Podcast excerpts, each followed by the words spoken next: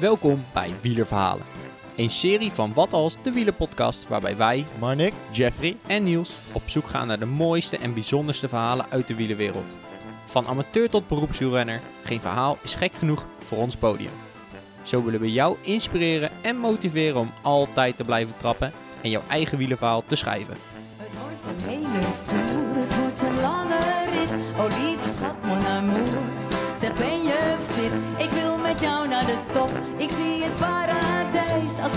tussenstop. En dan weer vlucht naar Parijs. Ehm, welkom terug bij een nieuw wielerverhaal. Eh, Ja. Na het indrukwekkende verhaal van eh Robbe Snels eh, de vorige keer hebben we weer een nieuwe gast. Welkom Menno. Dank je. Ehm, ja, jij gaat straks je verhaal doen. Ja. Ehm, zou je je eerst even willen voorstellen aan de luisteraar? Ja, natuurlijk. Ja. Ik ben eh, Menno Anker en ik ben eh grafisch ontwerper en eh, enthousiast fietser. En eh, nou, professioneel ontwerp ik in opdracht, maar ik heb ook eigen projecten en die zijn eigenlijk bijna altijd geïnspireerd op, eh, op het fietsen en de belevenissen op de fiets. En daar maak ik eh, artprints van. Ehm, en dat zijn eigenlijk voornamelijk kleurrijke verbeeldingen van eigenlijk hele bekende, maar ook hele obscure beklimmingen. Ehm, en die publiceer ik onder andere in, eh wordt gepubliceerd in het Wielrenblad.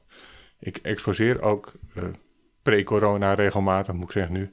Eh, maar mijn werk is ook eh, eh, permanent te zien in eh, de proloog in Amerongen. Ja, inderdaad. Daar zijn wij eh, in aanmerking gekomen met, jou, eh, ja, met jouw werk. Eh ja, superleuke posters van, eh, van inderdaad jouw, jouw wielertochten die je hebt Mhm. gemaakt. Ehm, ja, hoe ben je eigenlijk ehm, in de wielerwereld terechtgekomen?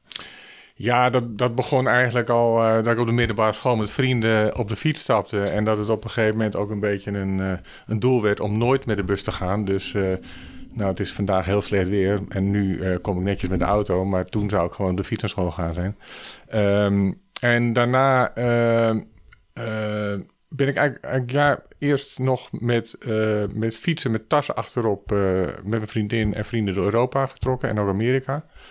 Eh, totdat zij eh, dacht van nou, dit wordt allemaal een beetje te gek. Eh, in Schotland. En toen ben ik aangesloten bij vrienden die ondertussen een racefiets hadden.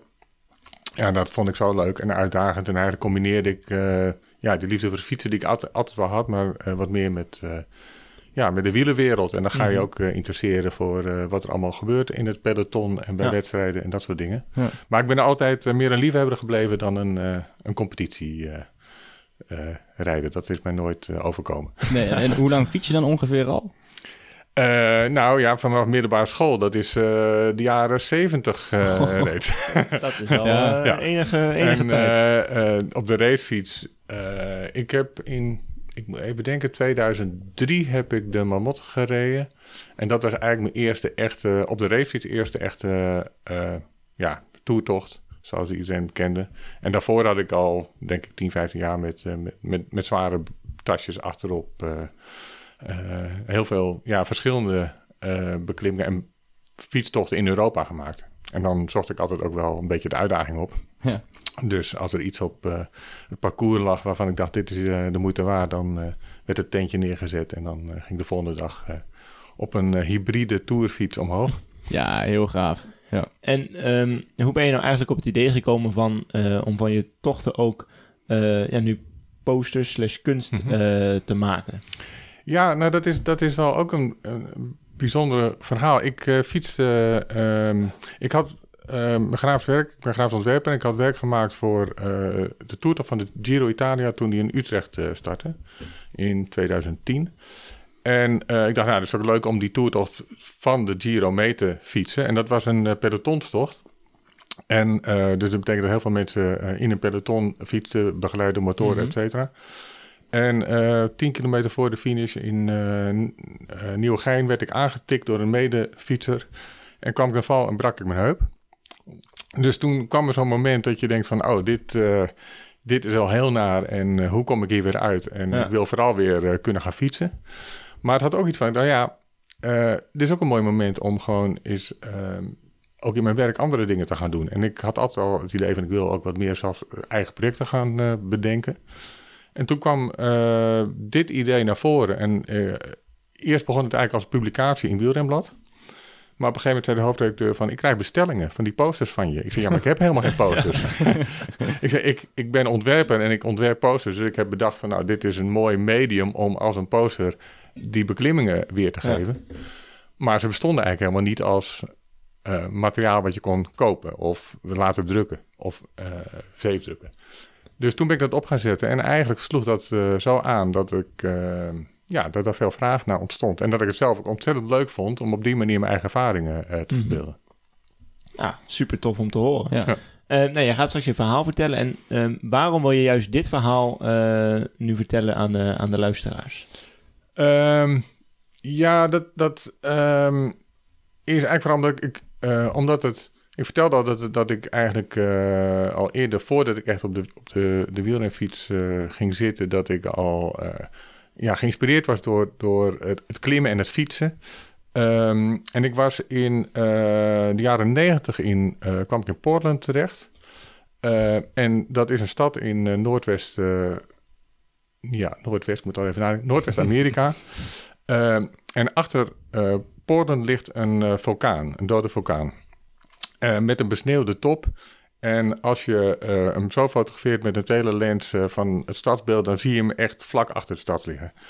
Eh, dus dat was een beeld waarvan ik dacht van ja, dat is toch heel mooi als je daar eh gaaf als je daar naartoe kan fietsen. Maar het was midden in de winter.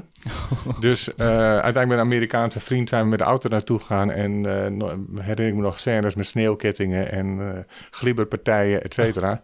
Dus fietsen was sowieso op dat moment helemaal niet mogelijk. Ja. Maar dat, dat, dat beeld en dat, die ervaring, dat was zoiets van... Nou, als ik, ik moet hier een keer terugkomen. Ik ga hier ook al een keer terugkomen. En dan wil ik per se naar die top fietsen. Eh, nou, dat heeft enige tijd geduurd. Maar ik ben een jaar of vier geleden nu... voor mijn werk, eh, voor een eh, kunstproject naar Portland geweest. En toen had ik zoiets van, wat er ook gebeurt... er gaat gefietst worden naar de Mount Hood. Ehm, en ik was er met een groep andere kunstenaars en ehm, voor de uitwisseling. En natuurlijk was er naast het normale traject waarin je gewoon ja, hè, als werk je, je, je projecten uitvoer brengt, was ook een dag eh, vrij om een eigen invulling eh, eh, in te vullen. Nou, iedereen ging natuurlijk naar de mooiste, eh, mooiste toeristische dingen in de omgeving. Het is een fantastische natuur, ik kan het echt iedereen aanraden. En het is een hele mooie en wielerstad, er wordt ontzettend veel gefietst. Eh, ook outdoor. Nike eh, heeft zijn hoofdkantoor is erop gericht. Dus het is eh, echt een, een outdoor. Ja. Ja. Walhalla zou ik bijna zeggen. Eh, maar goed, terwijl de anderen zeiden we nou we gaan eh, naar, de, naar de gorge, naar de rivier. Ik zei ja, dat kan je wel willen, maar ik ga wat anders doen. Ja, ja, ja. Er zal gefietst worden. Er zal gefietst worden, ja. En eh, nou, die ervaring heb ik eigenlijk in mijn verhaal opgenomen. Ja, ik, ik ben echt heel benieuwd nu. eh. Ja. Ja. Ik kan niet anders zeggen dan eh, het podium is voor jou. En, eh, Dankjewel. Fietscafé De Proloog in Amerongen. Weet je wel, daar onderaan die Amerongse berg. De plek waar wielerverhalen worden geboren en doorverteld.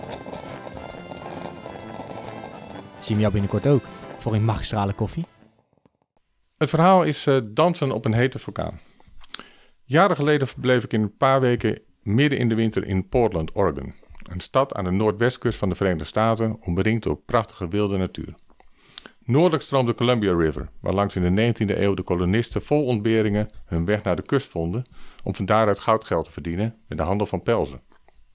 Aan de oostkant doemt een vulkaan op met besneeuwde top die onderdeel is van een gordel van vulkanen.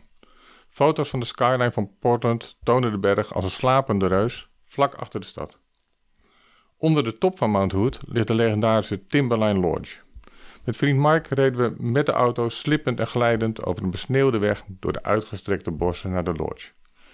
De imposante lodge is door arbeiders tijdens de Grote Depressie in de 19e eeuw als werkverschaffingsproject gebouwd. In de horrorfilm The Shining raakt Jack Nicholson in zijn rol als schrijver met zijn gezin een winter lang ingesneeuwd en wordt tot waanzin gedreven door eenzaamheid in deze onheilspellende omgeving. De bijzondere ligging en de, en de mooie verhalen over de vulkaan maakten een enorme indruk op me.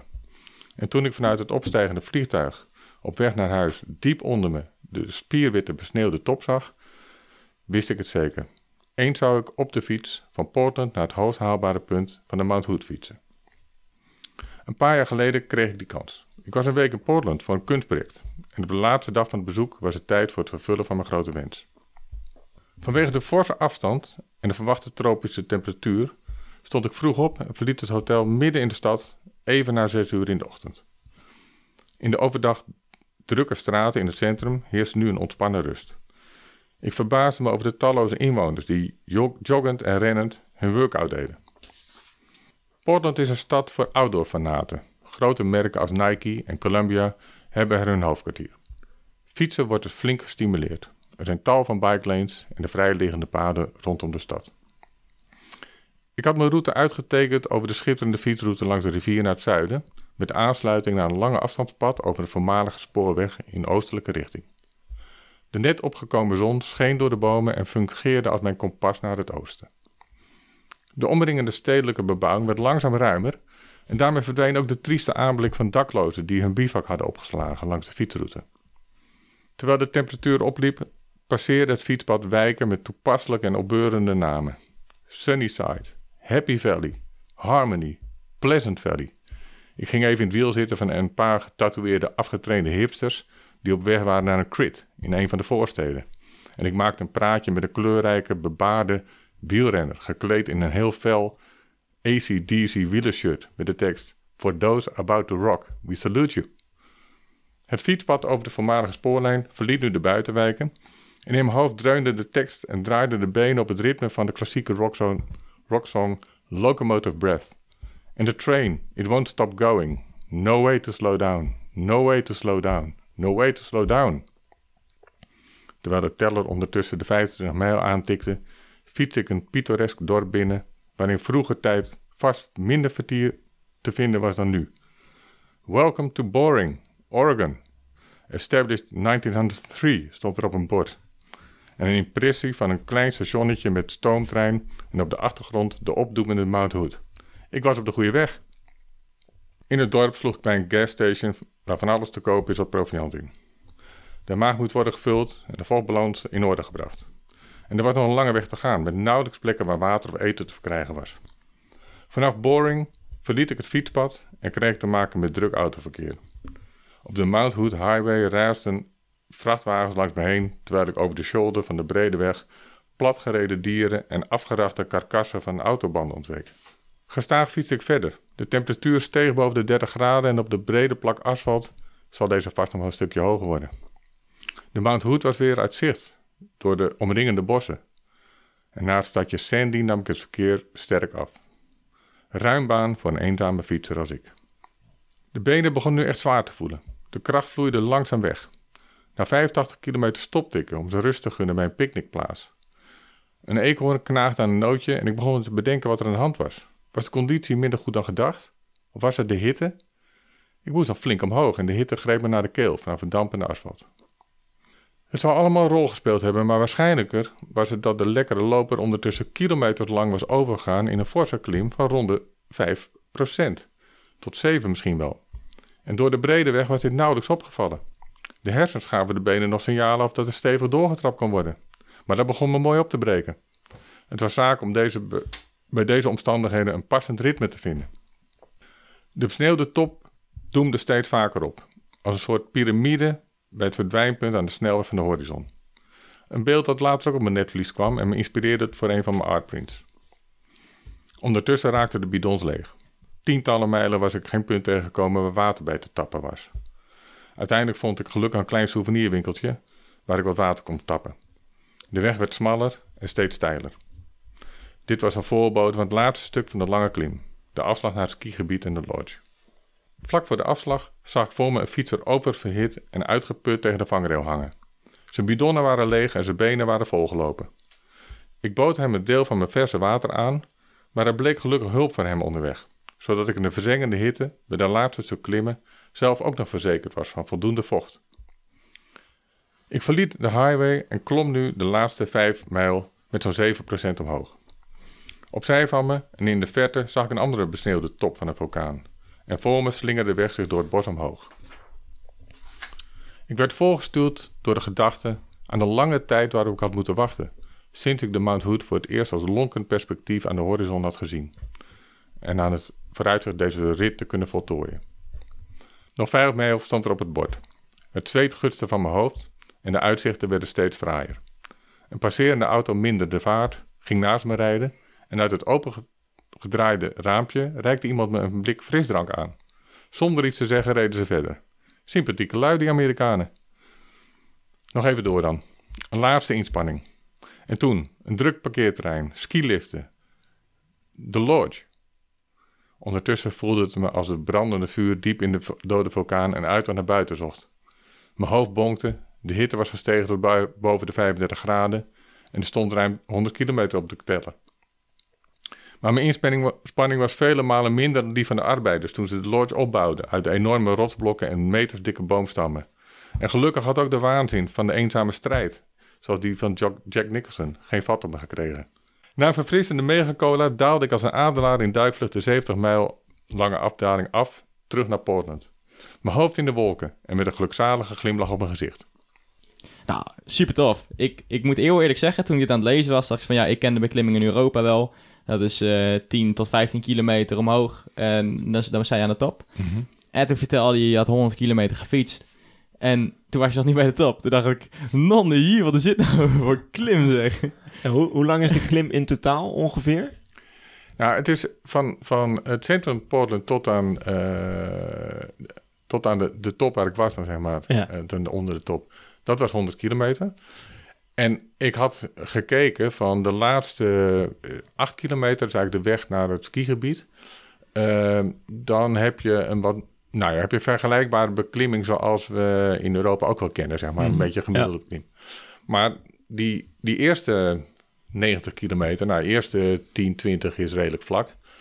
En ik dacht eigenlijk dat middenstuk van die 20 tot, eh, nou ja, dat telt ook niet, dat fiets je lekker door. Ja. Maar dat bleek dus on- ondertussen gewoon steeds zo'n ja, 3, 5 procent te zijn. Maar wel continu. Ja. Dat is niet eens vals plat, dat is gewoon... Dat, Dat is, ja, dat nou, is- ja, ja, en, en, nog en, het, ja, gek- het gekke is dat het eerste deel is dan over die, eh, die railway. Nou, misschien ken je het ook wel, dat heb je in Europa ook steeds meer, hè, van die oude, eh, oh, ja. ja van die oude eh, spoorbanen die dan fietspad worden. Ja. En die zijn nooit heel steil, maar ze zijn, gaan wel omhoog. En ze Ja. blijven heel geleidelijk gaan. Ja. En wat ik ook vertel, op een gegeven moment wordt het meer snelweg, waar heel weinig verkeer was. Maar dan merk je eigenlijk helemaal, ben je helemaal je referentie kwijt van dat Ja, je ja. echt... eh, dus, dus dat moment dat ik stopte, dat ik echt dacht van ja, die, het gaat niet goed. weet je, er is iets, mijn conditie is niet goed, hoe Ja, kan dit? ja, ja. Maar toen kwam ik er eigenlijk achter dat ik gewoon al heel veel geklommen had. Zonder, zonder dat je dat echt in de gaten hebt gehad. En als je, en als je het, het fijne is natuurlijk ook als je naar beneden gaat, dan, eh, want toen ik boven was en ik had van tevoren zoiets van, nou ja, weet je, ook in tijd, als ik eh 200 kilometer is echt wel een, eh, wel een stuk. Maar toen ik boven ik, ja, maar ik ga gewoon nu met eh nou, 35, 40 gemiddeld naar beneden. Want Ja. eh, het gaat Ja. gewoon alleen maar rechtdoor naar beneden. Ja, ik wil zeggen, hoe, hoe ziet je Strava-layout dan uit als je zo'n ritje doet? Is, heb je dan gewoon één, heb je dan dat je de stad uitrijdt en dan gewoon één, één rechte lijn omhoog hebt? Eh, je, eh, qua, ho- qua hoogtemeters. Ja, qua qua ho- ja, ja. Nou, meer qua kaart gewoon. Oh, als je Nee, kaart qua, legt. qua, qua geografiekaart Ja. gaat, het, eh, gaat het wel met, met bochten. En vooral in het begin ga je door Ja. de stad. En dan ga je er eigenlijk... Eigenlijk ga je eerst naar het zuiden en dan naar het oosten. Dus je gaat een beetje de stad, om de stad heen. Ja. Eh, en op een gegeven moment eerst ga je over die highway. En dat is eigenlijk gewoon een, een ja, lange doorgaande weg. en verder is daar niet veel. Eh, en, en in het begin was dat nog best wel druk. Dus dat is dan ook niet erg eh, fijn eh, fietsen. Maar op een gegeven moment, ja, weet je, dan is het eigenlijk alleen nog maar natuur en toerisme. Dus dan is het ook minder gedoe met, met vrachtwagens en dat soort dingen. Ja.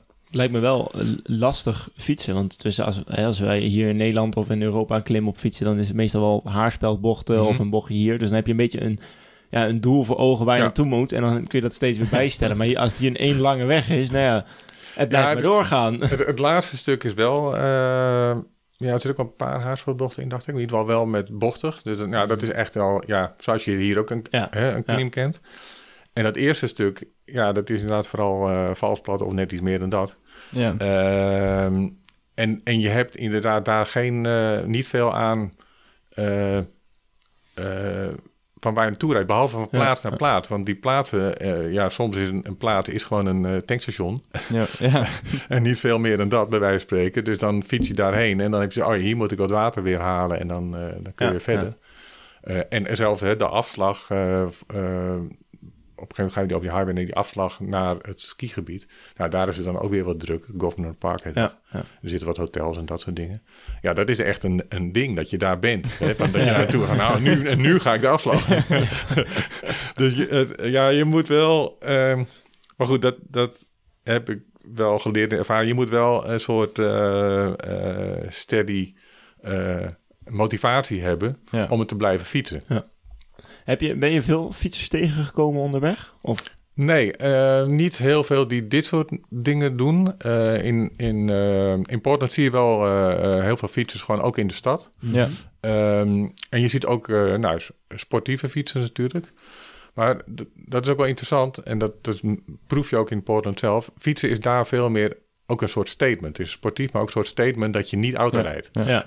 Voor ons is het natuurlijk, eh, nou ja, het voor mij ook geweest. Je, je gaat naar school op de fiets en je, Ja. gaat, je gaat het leuk vinden. En dan ga je eh, uiteindelijk koop je een racefiets. En het is Ja. makkelijk. ja, ja. En, en daar is het veel meer van, eh, of het zijn, eh, ja, een beetje echt eh, meer, nou, competitie, competitie ook niet helemaal, maar meer eh, als een soort statement van ik doe het anders dan anderen. Mhm. Ja. En dat is ook wel leuk, want het sluit dan ook aan bij eh, mensen hebben vaak eh, interesse voor popmuziek en eh, rockmuziek. En eh, dat is ook zo'n scene wat daar Ja, een beetje... ja. Waar ook nu natuurlijk die hele gravel-hype eigenlijk uitkomt. Dat, Ja. dat, dat is eigenlijk ook wel een beetje typisch Amerikaans. Van dat je ja, levensstijl, cultuur, pop, fietsen, dat het allemaal samen gaat. En, maar goed, op zo'n zo'n zo'n eh, eh, beklimming of zo'n zo'n fietstocht, ja, daar kom je niet veel mensen tegen. En dat, Nee, eh, ja, ja. ze staan me allemaal te, te klappen boven als je boven... Hè, mensen die met de auto komen. Ze vinden het allemaal prachtig. Dat, dat is wel hartstikke leuk. Maar ja, kijk. Oh, dit zijn ook echt je eigen posters. Ja, ja, ja, en daar zit hij ook tussen. Oh, Want ik vind eigenlijk... ehm, ja, er komt eigenlijk straks nog in de, in de, in de afsluiting van waarom ehm, het verhaal en dingen... Wat ik eigenlijk het leuke vind van de poster is natuurlijk dat je je eigen ervaring vastlegt... en je eigen beleving Ja. eh, verbeeldt. Maar het, het, het misschien nog wel leuker is dat daarmee ook dat je een gesprek met mensen krijgt... die eh, zich herkennen in... in je afbeelding of daar hun eigen Ja. verhaal op kunnen projecteren. Ja. Omdat het heel minimalistisch is, is er heel veel ruimte voor mensen om hun eigen verhaal erop te projecteren, zeg maar. Eh, om, ja, het is allemaal niet ingevuld voor ze. Mijn ouders hebben precies dat ook gezegd. Die hadden voor mij iets van een mond van toe ergens gevonden, ergens in Mhm. het buitenland. Dat hadden ze voor mij meegenomen. Maar dat is ook inderdaad een hele abstracte eh pose van een mond van toe. Nou, toen wist je niet dat jij ook zulke dingen Mhm. maakte. Dus eh, ik ga binnenkort meedoen met de Alpe 6. Ja. Daar wil ik zeker een pose van, van halen. Maar dat zeggen mijn ouders zeiden dat ook precies hetzelfde. Die zeiden van als je een, een, een foto hebt waar een renner naar boven rijdt, Precies. dan heb je al een verhaal. En Ja. je moet je eigen verhaal hebben. Dus dat Ja. vind ik heel mooi. Ik precies hetzelfde. Het is, het is zelfs dat ik daar helemaal niet van bewust was, maar eh, toen ik eh, maar misschien eh, vijf of tien gemaakt had, dacht ik van, hé, maar ik, de, ik maar zet er nooit een wielrenner op. Of nooit iets wat op een fietser lijkt. En, Ja. en dan ga je ook door, door gesprek met mensen, en dan ga je denken, oh ja, maar dat is eigenlijk, ik vind dat eh, mooier omdat je het wil zien zoals je het zelf hebt beleefd, zeg maar. En dat eigenlijk dat voor anderen ook geldt. En dat je niet een toeschouwer bent die een fietser ziet. Ja, ja. Dan ben je alweer, heb je meer afstand. Ja. Ehm, eh, dus dat, ja, dat ontdek je dan zeg maar aldoende. Dat je dat Ja. op die manier... Nou ja, daarna hou je het gewoon consequent, zo consequent mogelijk vol. Ja, en hier, Maar- zien we de, hier zien we de afbeelding van eh, de berg. ja, en eigenlijk is het voor mij wat, wat, wat, eh, wat ik probeer... te- Ik haal het zoveel mogelijk weg. Dus ik, be- meestal begin je met te veel en dan ga je Ja. denken, Ja, En ja. eigenlijk was dit... Jij zei net van, ja, eh, het doel... Af en toe zag ik wel die... die ehm, als het wat ruimer was, het landschap... zag ik eh, de Mount Hood met zijn besneeuwde top liggen. Maar onmiddellijk daarna ging je weer een bocht... en dan had je eh, weer bossen... en dan duurde het gewoon weer eh, Mhm. 20 kilometer. Voordat je zeg maar weer Ja. zo'n blik Ja. krijgt. Maar op een gegeven moment was dit wel echt... Dit is voor mij wel een verbeelding... omdat je van het begin af aan... Nou, wat ik vertelde, als je die berg ziet liggen vanuit de stad... en dat je echt, dat ik ook zoiets had van, ik wil daar helemaal naartoe. Hè. Eh, Het is niet zo dat je aan, eh, dat je eigenlijk normaal bij de, bij de Alpen d'Huez sta je beneden en ga je meteen omhoog. Ja, ja. Je weet gewoon, dit is de weg naar de Alpen d'Huez. Ja. En hier is het zo van, ergens ver, heel ver weg, eh, Be- wat begint, eigenlijk veel te dichtbij lijkt, maar toch nog 100 kilometer is, eh, daar moet ik naartoe. Ja. Dus dat, dat, ja, weet je, dat heel erg naar die richting eh, gaat. En voor de luisteraars, want die zien de afbeelding natuurlijk nu niet. Mhm. Misschien later op Instagram. Maar wat, wat zien we precies? Nou, het- ze zien eigenlijk eh, twee, ehm, twee eh, drie hoeken, waarvan eentje de Mount Hood zelf verbeeldt, dus de besneeuwde top. Een driehoek die verbeeldt eigenlijk de, de weg daar naartoe. En ik gebruik de kleuren rood en blauw van de Amerikaanse vlag. Dus ik probeer eigenlijk in zoveel mogelijk weg te laten. En alles wat ik Ja. overhoud, dat moet zoveel mogelijk betekenis of Ja, gelaagdheid hebben. En voor de typografie, dat vind ik ook altijd wel mooi om daarmee te werken.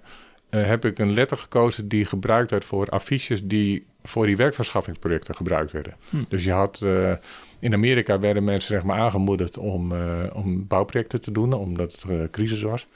En dat gebeurde in, door een, een overheidsorganisatie en die gaf daar posters voor uit. En die zijn ook nog terug te vinden en gepubliceerd. Ja, ja. En daar werd ook ja, een bepaalde typografie aan voor gebruikt. Ja. Dus die heb ik dan ook weer toegepast op de... Ja, heel mooi dat dat alles, alles zo'n hele mooie betekenis heeft. Hm. Heel eerlijk, als wij iets maken voor de wielenpodcast, van oh, dat ziet er mooi uit. Nou, huppatee, en gaan. Ja, daar ben ik nog niet klaar. Net even een paar stapjes doordenken. Ja, dat, moeten we eh, misschien ja. ook gaan leren. ehm, Ja, ja. en, en je vraag eh, van hoe hoog is hij? is eh, 1817 meter. En je begint zo'n beetje op zeeniveau. Jeetje. Dus je, eh, de afstand is, Ja. maakt het zo dat het natuurlijk nooit heel erg stijl gaat worden. Ja. Of hoeft te worden. Eh, maar je begint wel, ja, nou, misschien op 100 meter of zo hoogte Ja. dacht ik dat Portland ligt. Want het ligt, eh, de kust is wat meer... eh, ja, ja, tuurlijk. Ja. Maar het is wel heftig als je op 100 kilometer 1800 hoogtemeters rijdt. Ja. Op een mond van toe doe je dat op 21. Ja. Dus dan is het iets... Precies. Het is gewoon korter afzien Ja. dan dit. Zeker. eh, ja. Ik denk dat het, voor mijn ervaring, dat het enige wat ik kan vergelijken in Europa, dat is de Pico Valletta. Dat is eh, me 40 niet zoveel, kilometer eh, eh, klim. Dat is de, de hoogste, is of was, ja, iedereen claimt dat de hoogste eh, begaanbare eh, geasfalteerde weg en top in Europa. Ehm, en die is eh, boven de 3000 meter. En ehm, daar heb je het laatste stuk is eigenlijk eh, of was militair, eh meer militair terrein. Daar kon je nog wel fietsen met een heel klein weggetje eh na een slagboom. Eh, maar de, de, eh, de vanuit Malaga, nee, en Granada, eh, is dat een, een klim van 40 kilometer. Dus dat is ook eigenlijk ook gewoon dat je heel lang Ja. tot Ja, aan het eh eh, ski-oord, zeg maar. Dat je heel lang aan het klimmen bent en dan het laatste stuk. eh, Ja, Weet je. ik weet als renner zelf dat ik niet zo van ben. Klimmen is niet ons ding. Ik klim me sowieso niet en lang klimmen helemaal niet. Oh, ja, als je oh, hele korte steile klimmen wil hebben, dan moet je naar, eh, naar Wales of Engeland gaan. Dan eh, ja. kun je ja, fantastisch. Ja. Daar wil ik ook nog wel een keertje heen. eh. Maar wat, je, hebt, je bent de hele wereld rondgegaan met fiets. Wat vind, je nou echt, vind je nou echt nummer één klim? Van alle klimmen die je ooit hebt gedaan. Ja, dat, die vraag had ik natuurlijk kunnen verwachten. En Ja. die krijg ik wel vaker. Maar ik vind eigenlijk, ik vind, het, nee, ik vind het heel moeilijk te beantwoorden. Omdat, wat ik zo mooi vind, en daar hebben we het nu ook over. Ze kunnen zo verschillend zijn. Ja. En dat vind ik juist het mooie. Van of je, ehm, ik merk van dat ik laat me inspireren door beklimmingen die me echt bijblijven. Of waar echt iets beleven. Ja, dit is, dit is weer heel uniek of eigen voor die, voor die beklimming. En dat kan Ja. ook eh, in Yorkshire een enorme, steile, hele korte klim Ja. zijn. Ja. Waarvan je denkt van, wat is dit dat dit bestaat? Hoe hebben ze hier een weg aangelegd? Eh, en waarom ga ik omhoog? Want dat is Ja. natuurlijk ook altijd de vraag die je uiteindelijk stelt. Maar goed, Ja. je Ja, probeert het wel. dat is op de La Roudette. Ja. Daar heb ik het Ja. ook altijd. Dus eh, ja, kijk, en of het dan mooi of niet is, dat is natuurlijk ook van eh, eh, mooi kan zijn omdat het ontzettend lekker gaat en dat het meevalt. Of mooi kan zijn omdat je juist weer de wind trotseert en denkt van waarom heb ik dit gedaan? ja. Maar het is wel gelukt. Ja, dat, ik vind dat heel moeilijk zeggen. Wat is dan de allermooiste? Ja, iedere klim heeft zo zijn eigen, eigen Ja, verhaal, zijn ja, eigen ja en het is soms ook daarmee onvergelijkbaar als je Ja. naar die verschillen kijkt. Maar juist ook zo mooi dat het zo gevarieerd is. En, eh, Ja. ja. En als we nou de vraag anders stellen. Dus welke raad je mij aan?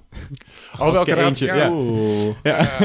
Ja, ja, ja. Nou, je vertelt net dat je niet zo'n klimmer bent, maar dat je in ieder geval lange... iets korter. Zeg maar Iets 10, korter. 10 kilometer vind ik, oh, oké. Ja, dan, dan, zou, dan zou ik aanraden om naar de Vogezen te gaan. ja? Ehm, maar ik vind dat een heel mooi gebied, omdat het eigenlijk vanuit Nederland het eerste, vind ik, eerste gebied is waar je wel echt, eh, nou, het gevoel hebt dat je echt klimt. Ja. Eh, eh, natuurlijk de Ardennen en, en Limburg ook hartstikke mooi, de Eifel, prachtig. Ja. Maar dat is toch al wat korter. En hier begint het echt wel eh, nou, 10, 15 kilometer Ja. te worden. En dat is minder lang als dat je in de Alpen ja, 20, 25 eh, Ja. kilometer klimt. Dus het is perfect om ja, toch flink eh, uitdaging te vinden. Ik denk dat we onze vakantie eventjes gaan eh, omboeken. Geen Mont Ventoux, maar eh deze. Ja, ja, de Mont Ventoux is ook heel mooi. ja, En bovendien kan je die van drie kanten op. Dus je kan ook nog een beetje kiezen welke je neemt. Maar ja, eigenlijk was mijn doel alle drie. eh, Ja. Ja. Ja. is nog een, eh Eerst een maar, eerst maar eens trainen. Ja. Ehm, ik heb al tips voor je. Oké, ik nou, heb het gedaan. Echt? Ja, ja, ja. ja, heel tof. Nee, ik, ik de Mont Ventoux, want ja, de de, eerste, dat is wel leuk, want de eerste keer deed ik het, zoals ik net al vertelde, dat ik eh, met tasjes en alles op vakantie was. En dat ik dacht, ja, nu ben ik bij die Mont Ventoux, dan moet ik ook omhoog. Eh, en dan zonder tassen, eh, maar Ja. wel op een gewoon veel te zware fiets. En, Ja, ja. allemaal prima, maar goed, bovenkomen was gewoon de uitdaging en super mooi. Langs de, ook de, de lastige kant. Ehm, en toen ben ik later met een, met een vriend een week daar in de buurt geweest. En toen zei ik, nou, we gaan het twee keer doen. en toen we de tweede keer boven waren, toen zei ik, nou, moeten we nou niet die derde ook doen? ja, toen zei hij van, nou, Menno, weet je, we gaan lekker naar beneden, gaan een wijntje drinken. Ik zei, ja, dat vind ik eigenlijk ook wel een goed idee. Ja. Ja, toen eh, met diezelfde vriend en de andere fietsmaten zijn we een paar jaar later eh, onze gebruikelijke fietsweek daar in de buurt geweest. En toen had ik, en dat merk ik wel, van als er dan plannen worden gemaakt of dingen, en ik zie een kans, dan Ja. heb ik ook zoiets van, nou, dit gaat in mijn agenda. En dit- Ja, of de jongens dat goed vinden of weten, dat is nog niet zo belangrijk. Maar ik heb wel ergens een een agenda dat ik dat wil doen. Ja. Dus toen had ik, ja, had ik eh, drie keer eh, van toe erin gezet. Ja, heel eh, tof. ja, dat was super ervaring. Ja, ik wacht al eigenlijk vijf jaar daarop. Want eh, Ja. de eerste paar keer mocht ik niet van mijn vader. Dus de eerste keer mocht ik één keer omhoog. En toen had ik hem twee keer gedaan, maar wel op twee verschillende dagen. Dus ik heb alle kanten wel gehad. Ja, nu zei ik tegen de jongens van, nou, straks heb ik, een, heb ik mijn droomfiets. Ik, ik, ben, in- ik ben in goede conditie. Nou, ik ga gewoon ho, nu niet, hè. Dan weer wel. Even trainen, even trainen. Dan weer wel, nu regent het. Nee, maar ik dacht gewoon, nou, weet je wat, dat moeten we gewoon doen. Ja. Ja. Nee, super. En ja, en het is ook gewoon durven en gaan en, en ook gewoon, en zeker ook voorbereiden. Want dat is wel, je ziet natuurlijk, eh, zeker op dat soort bergen, veel mensen die ook onvoorbereid uit een soort eh Ja. balorige wetenschap, van dat ga ik even doen. Ja, dan denk ik, ja, eh, één, eh, is het verstandig om zo te proberen boven te komen. En twee, is het heel onverstandig om zo te proberen naar beneden te gaan. Ja. En, eh, Ja, dat vooral, dat, en dat is ja. vooral Ja. best link, ja. Maar eh, fijn, eerst moet ik nog op de 6 doen, maar dat komt later allemaal wel. Ehm, ja, dan gaan we eigenlijk naar de laatste vraag. Ehm, en de standaardvraag die we eigenlijk altijd doen. Hè, van, ja, wat wil je nou meegeven met, eh, met je verhaal eh, aan de luisteraar? Ehm, nou, wat, wat ik mee zou willen geven is dat, eh, ehm, dat ik het eh, mooi zou vinden als mensen zeg maar, prestaties en belevenissen van anderen als inspiratie gebruiken. Maar zelf eh, fietsen op de manier die het best bij hunzelf past. En ehm, dus niet laten gek maken door mensen die sneller gaan of, eh, eh, ja, of harder willen of et cetera. Laat je niet ontmoedigen. Kies gewoon je eigen. Wat, ja, ontdek wat bij, je past. Ja, en dan is het ook genieten van de omgeving en van de klim zelf. En alles wat je beleeft en doormaakt. En uiteindelijk, als je boven komt, dan komt dat alles bij elkaar samen. En ik Ja. denk dat dat het mooie van Ja. het fietsen is. Fantastisch mooi. Mooi eh, om je mee af te sluiten. Nu hebben we nog één klein eh, leuk nieuwtje. Oh ja. We mogen een eh, poster weggeven. Jazeker. Ehm, ja, check ons eh, Instagram-kanaal daarvoor. eh wat als de wielerpodcast. Daar staat uitgelegd hoe je moet eh, of hoe je kunt winnen en wat je daarvoor moet doen. Ehm, en dan danken wij je hartelijk, Menno, voor, eh, voor jouw verhaal. Voor de inspiratie van anderen. En ik hoop dat ze er, eh, dat ze er zelf ook meer wat van uithalen. Heel graag gedaan, dankjewel. Leuk dat je luisterde naar Wielenverhalen. Een serie van Wat Als de Wielenpodcast. Heb jij een wielenverhaal die echt gedeeld moet worden met de wielenwereld? Twijfel dan niet en stuur een bericht naar ons telefoonnummer 06 82 61 2419. Wil jij meer afleveringen luisteren? Abonneer dan nu via Spotify, iTunes of jouw favoriete podcast app, zodat je geen aflevering meer mist.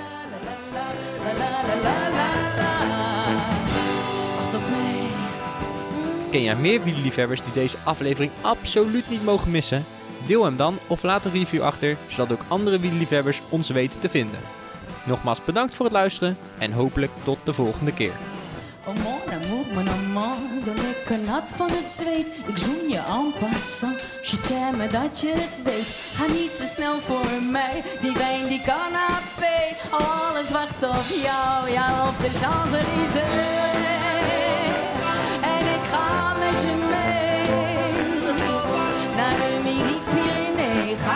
Ga niet